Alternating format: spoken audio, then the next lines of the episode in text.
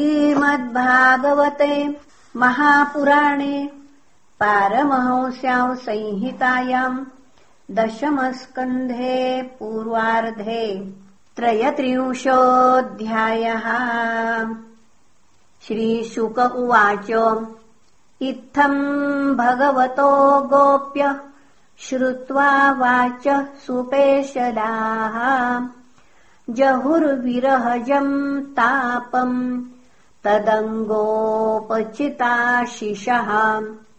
तत्रारभत गोविन्दो रासक्रीडामनुव्रतैः स्त्रीरत्नैरन्वितः प्रीतैरन्योन्या बद्धबाहुभिः। रासोत्सवः सम्प्रवृत्तो गोपीमण्डलमण्डितः योगेश्वरेण कृष्णेन तासाम् मध्ये द्वयोर्द्वयोः प्रविष्टेन गृहीतानाम् कण्ठे स्वनिकटम् स्त्रियः यम् मन्येरन्नभस्तावद् विमानशतसङ्कुलम् दिवौकसाम् सदाराणाम् मौत्सुख्यापरुतात्मनाम् ततो दुन्दुभयो नेदुर्निपेतुः पुष्पवृष्टयः। जगुरुगन्धर्वपतयः सस्त्रीकास्त्यद्यशोमलम्।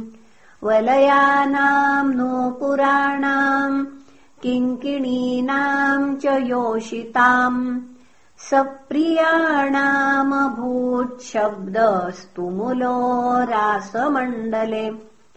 तत्रातिशुशुभे ताभिर्भगवान् देवकीसुतः मध्ये मणीनाम् हैमानाम् महामरकतो यथा पादन्यासैर्भुजविधुतिभिः सस्मितैर्भूविलासैर्भज्जन्मध्यैश्चलत्कुचपटैः कुण्डलैर्गण्डलोलैः स्विद्यन्मुख्य कबरशनाग्रन्थय कृष्णवध्वो गायन्त्यस्तम् तडित इव तामेघचक्रे विरेजुः उच्चैर्जगुर्नृत्यमानाम् रक्तकण्ठ्योरतिप्रियाः कृष्णाभिमर्शमुदिता यद्गीतेनेदमावृतम् काचित् समम् मुकुन्देन स्वरजातिरमिश्रिताः उन्निन्ये पूजिता तेन प्रीयता साधु साध्वितीम् तदेव ध्रुवमुन्निन्ये तस्यैमानम् च बौहदातम् काचित् रासपरिश्रान्ता पार्श्वस्थस्य गदावृतः जग्राहबाहुना स्कन्धम् श्लथद्वलयमल्लिकाम् तत्रैकांसगतम् बाहुम् कृष्णस्योत्पलसौरुभम्। पुनः तत्रैकांसगतम् बाहुम् कृष्णस्योत्पलसौरभम् चन्दनालिप्तमाघ्राय हृष्टरोमाचुचुम्बः कस्याचिन्नाट्यविक्षिप्त कुण्डलस्त्विषमण्डितम् गण्डम् गण्डे सन्दधत्या अदात्ताम्बुलचर्वितम् नृत्यन्ति गायते काचित् कूजन्नोपुरमेखला पार्श्वस्थाच्युतम् हस्ताब्जम् श्रान्ताधास्तनयो शिवम् गोप्यो लब्ध्वाच्युतम् कान्तम् श्रिय एकान्तवल्लभम् गृहीतकण्ठ्यस्तद्दोर्भ्याम् गायन्त्यस्तन् विजौभिरिम्। कर्णोत्पलालकविटङ्ककपोलधर्म। वक्रश्रियो पुनः वक्त्रश्रियो वलयनूपुर घोषवाद्यैः। गोप्यः समम् भगवता नृतु स्वकेश स्रस्तस्रजो भ्रमरगायकरासगोष्ठ्याम्। एवम् परिष्वङ्ग कराभिमर्श स्निग्धे क्षणोद्दाम विलासहासैः। रेमे रमेशो व्रजसुन्दरीभिर्यथार्भक स्वप्रतिबिम्बविभ्रमः। तदङ्गसङ्गप्रमुदाकुलेन्द्रियाः। केशान्दुकूलम् कुचपट्टिकाम् वाम् नाञ्जः प्रतिव्योढुमलम् व्रजस्त्रियो। विस्रस्तमालाभरणाः कुरुद्वः कृष्णविक्रीडितम् वीक्ष खेचरस्त्रियः कामार्दिताः शशाङ्कश्च स गणो विस्मितोऽभवत् कृत्वा तावन्तमात्मानम् यावतिर्गोपयोषितः रेमे स भगवांस्ताभिरात्मा रामोऽपि लीलया। तासामतिविहारेण श्रान्तानाम् वदनानि सह प्रामृजत् करुणः प्रेम्णा।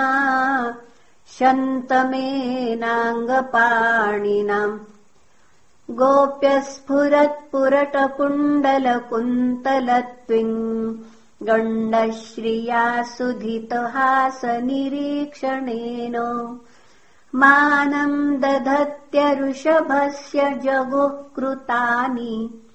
पुण्यानि तत्कररुह पुनः पुण्यानि तत्कररुहस्पर्शप्रमोदाः ताभिर्युतश्रममपोहितुमङ्गसङ्ग घृष्टस्रजस् कुचकुङ्कुमरञ्जितायाः गन्धर्वपालिभिरनुद्रुत आविशद्वाः श्रान्तो गजीभिरिभराडिव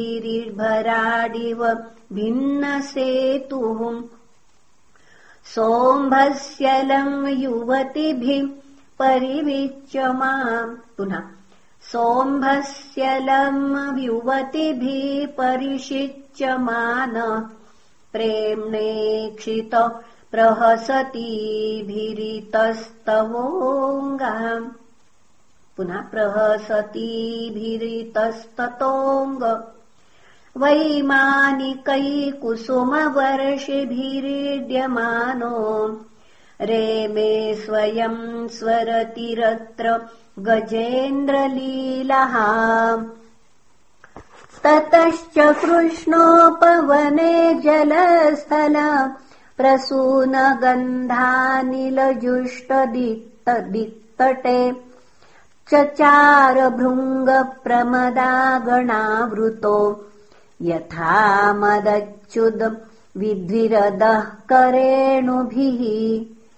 एवम् शशाङ्कांशु विराजितानिशाः स सत्यकामोऽनुरताबलागणः शिशेव आत्मन्यवरुद्धसौरतः सर्वा शरत्काव्यकथारसाश्रयाः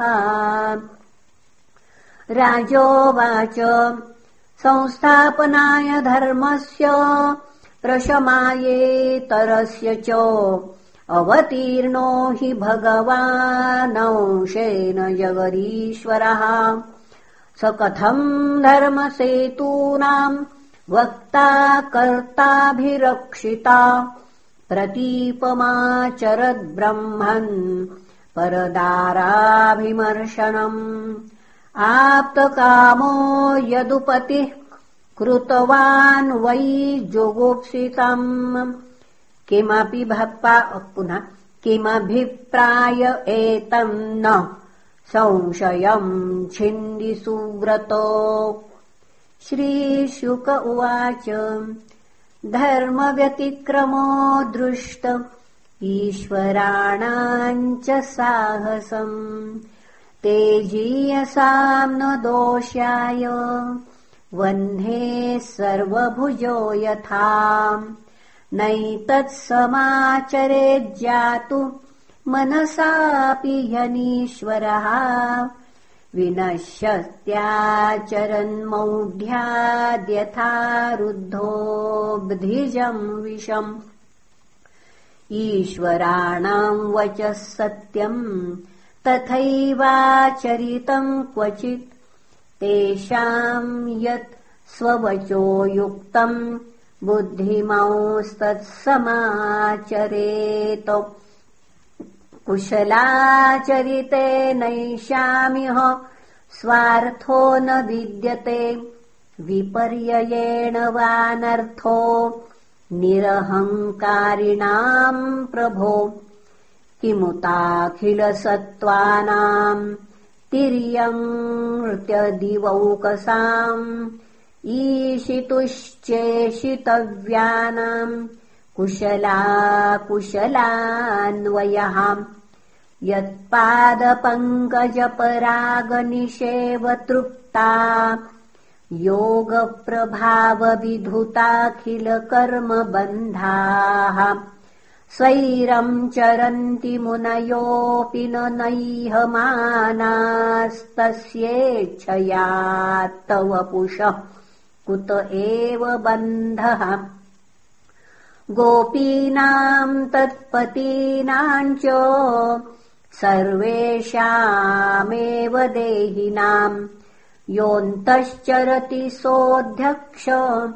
क्रीडनेनेह देहभाक् अनुग्रहाय भूतानाम्। मानुषम् देहमास्थितः। भजते तादृशीः क्रीडाम् या श्रुत्वा तत्परो भवेत् नासूयन् खलु कृष्णाय मोहितास्तस्य मायया मन्यमाना स्वपार्श्वस्थान् स्वान् स्वान् दारान् व्रजौकसः। ब्रह्मरात्रे उपावृत्ते वासुदेवानुमोदिताः। अनिच्छन्त्यो ययुर्गोप्य स्वगृहान् भगवत्प्रियाः। विक्रीडितम् व्रजवधूभिरिदम् च विष्णोः। श्रद्धान्वितोऽनुशृणुयादथ वर्णयेद्यः। भक्तिम् पराम् भगवति प्रतिलभ्य कामम् रुद्रोगमाश्वपहिनोत्य चिरेण धीरः। इति श्रीमद्भागवते महापुराणे पारमहंस्याम् संहितायाम् दशमस्कन्धे पूर्वार्धे रासक्रीडावर्णनम् नाम त्रयतिंशोऽध्यायः श्रीकृष्णार्पणमस्तु। हरये नमः हरये नमः हरये नमः